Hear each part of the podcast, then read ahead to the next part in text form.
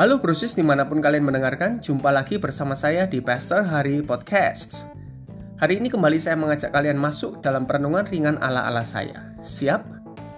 Berbicara tentang keraguan, momen yang selalu terlintas dalam benak saya adalah momen di mana Petrus melangkah keluar dari perahu di tengah badai, menanggapi ajakan Yesus untuk berjalan di atas air.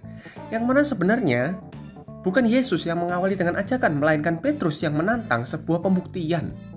Oke, ini potongan agak lengkapnya dari kisah itu ya. Matius 14 ayat 26 sampai 30. Ketika murid-muridnya melihat dia berjalan di atas air, mereka terkejut dan berseru, "Itu hantu!" Lalu berteriak-teriak karena takut. Tapi segera Yesus berkata kepada mereka, "Tenanglah, aku ini, jangan takut." Lalu Petrus berseru dan menjawab dia, "Tuhan, apabila engkau itu, suruhlah aku datang padamu berjalan di atas air." Kata Yesus, "Datanglah." Maka Petrus turun dari perahu dan berjalan di atas air mendapatkan Yesus.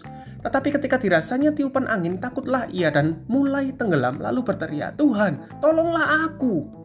Ada banyak hal yang dapat kita pelajari dari penggalan kisah ini. Ada empat hal yang mau saya bagikan hari ini. Pertama, yang paling awal yang perlu kita lihat adalah bahwa Petrus seakan-akan sedang menantang Yesus untuk sebuah pembuktian. Pembuktian akan ketuhanannya Yesus. Yesus kan sudah berkata, "Ini aku, jangan takut." Yesus sedang mengatakan di tengah kekacauan situasimu, percayalah, aku ada bersamamu, ini aku, jangan takut. Ini adalah sebuah janji, dan bukan sekadar janji. Ini janji dari Tuhan, ini firmannya, ini perkataan Tuhan sendiri yang tidak akan mungkin berdusta. Tapi Petrus di titik awal sudah meragukan janji Tuhan, dan dia menantang untuk sebuah pembuktian. Oke, seakan-akan Petrus menantang sebuah pembuktian ya pada Yesus dan poin kedua, perhatikan ini. Ya, sebelum kita masuk poin kedua sekali lagi ya, saya ingin katakan, kita seharusnya bersyukur bahwa Dia adalah Allah yang panjang sabar dan sangat memahami kita. Seberapa sering kita telah mendengar janjinya namun juga masih memerlukan pembuktian demi pembuktian. Dan malam itu Yesus mengabulkan loh permintaan Petrus untuk sebuah pembuktian yang seharusnya tidak perlu, nggak perlu. Kalau saya Tuhan, saya akan mengatakan, kamu nggak percaya aku, ya kan? Karena sebenarnya Tuhan tidak perlu membuktikan apa-apa. Sebuah pembuktian hanya diperlukan jika ada kebenaran yang diragukan. Ini Yesus sendiri yang ngomong, masa kita meragukan kebenaran dari Yesus? Jadi, poin kedua sekarang ya. Jadi sebenarnya permintaan Petrus malam itu, ini poin kedua.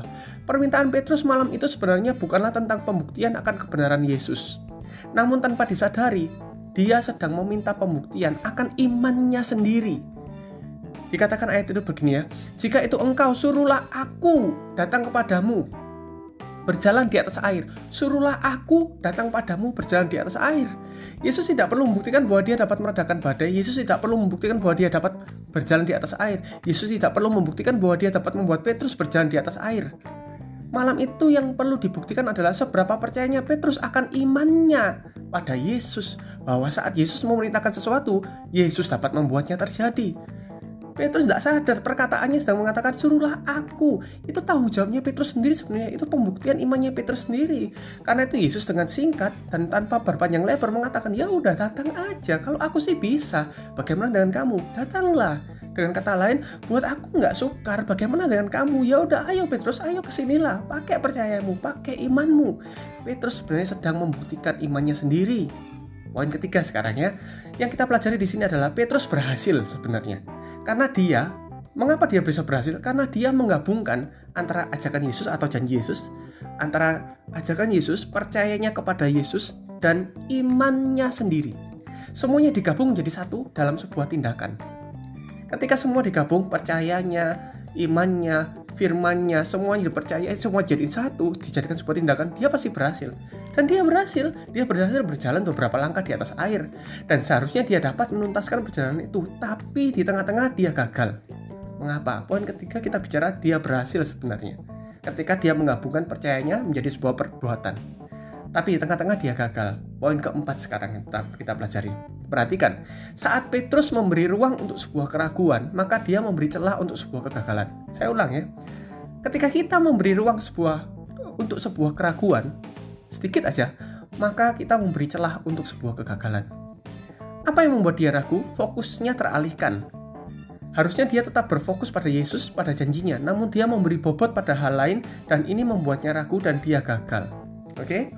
Proses di mana pun kalian mendengarkan, hidup sebagai anak Tuhan di muka bumi ini bukan hidup yang selalu asik dan aman-aman saja. Yesus berkata, "Kamu akan mengalami tantangan, sebab dunia tidak mengenal Aku." Ya kan? Di bagian lain Yesus berkata, "Aku mengutus kamu bagai domba ke tengah serigala." Tapi janjinya jelas bahwa dia menyertai kita sampai pada kesudahannya. Dia akan membuat kita menang, dia memberi kita kuasa. Namun seberapa besar dan hebatnya janji-janji itu, semua tetap tergantung pada seberapa kita mempercayai janjinya. Itu bagian kita. Parahnya lagi iblis tahu bahwa satu-satunya cara untuk membuat kita jatuh dan gagal adalah saat kita tidak berfokus pada janjinya. Saat kita memberi keraguan, memberi ruang pada keraguan. Saat kita membiarkan keraguan itu datang.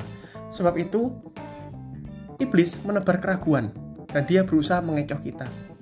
Jadi, apa yang harusnya kita lakukan saat ragu menantang? Tetaplah berfokus pada janji Tuhan. Percayalah bahwa kita pasti bisa melalui, melewati, mem memenangkan segala perkara. Bersama Yesus yang ada dalam kita, kita pasti bisa. Tidak ada yang mustahil. Tahu nggak? Sampai sekarang ini ya, saya masih tidak bisa hmm, cara berskateboard. Tahu skateboard ya? Atau berhoverboard. Atau ada juga yang disebut juga segway Padahal selama benda-benda itu ada dan diproduksi, artinya benda itu dapat memberi manfaat dan sederhananya dapat digunakan. Selama ada janji-janji Tuhan, seharusnya janji Tuhan itu pasti bisa terjadi dan kita lihat dalam hidup kita. Tapi mengapa orang lain bisa menikmatinya, saya tidak bisa? Mengapa orang lain bisa naik skateboard, saya tidak bisa? Adik saya pernah punya skateboard jauh di masa ketika kami sama-sama belum berumah tangga. Dan dia juga tidak pernah bisa memakainya padahal dia yang beli. Lalu ponakan saya punya Segway uh, hoverboard ya, hoverboard. Yang secara teknis seperti skateboard, namun bertenaga mesin dan dikendalikan dengan cara kontrol tubuh condong ke depan, kanan, kiri, belakang. Dan saya juga tidak pernah bisa menaikinya. Ponakan saya bisa lancar, anak saya mencoba juga dia bisa. Berulang kali saya mencoba tapi saya selalu gagal. Mengapa? Sederhana, karena saya meragukan sesuatu. Saya bukan hanya meragukan apakah benda itu dapat mengajak saya berjalan berkeliling, namun saya juga meragukan diri saya sendiri apakah saya bisa menaikinya tanpa terjatuh. Proses apa pun yang menantang Anda hari ini, apa pun yang menantang kalian hari ini, ya untuk mempercayai janji Tuhan atau menantang diri sendiri bahkan. Ayo kita kembali berfokus pada apa yang Tuhan sanggup lakukan, bukan tentang kita. Mari kita berfokus pada Tuhan dan janjinya. Ketika kita berfokus, dia mengatakan, janjinya mengatakan kamu pasti bisa, maka kita pasti bisa, percayalah. Dia sanggup melakukan segala hal, dia Allah di atas segala kemustahilan. Masalahmu, masalah saya, masalah kita, tidak ada yang lebih besar dari kedahsyatan Tuhan kita.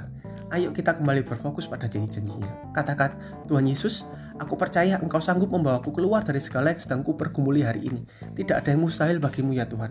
Dengan iman aku mempercayai janjimu. Aku percaya dalam nama Yesus. Amin. Semoga ini memberkati kalian. Jika proses ingin terhubung dengan saya lebih lagi, ikuti saya di Instagram @haryadi Sutanto.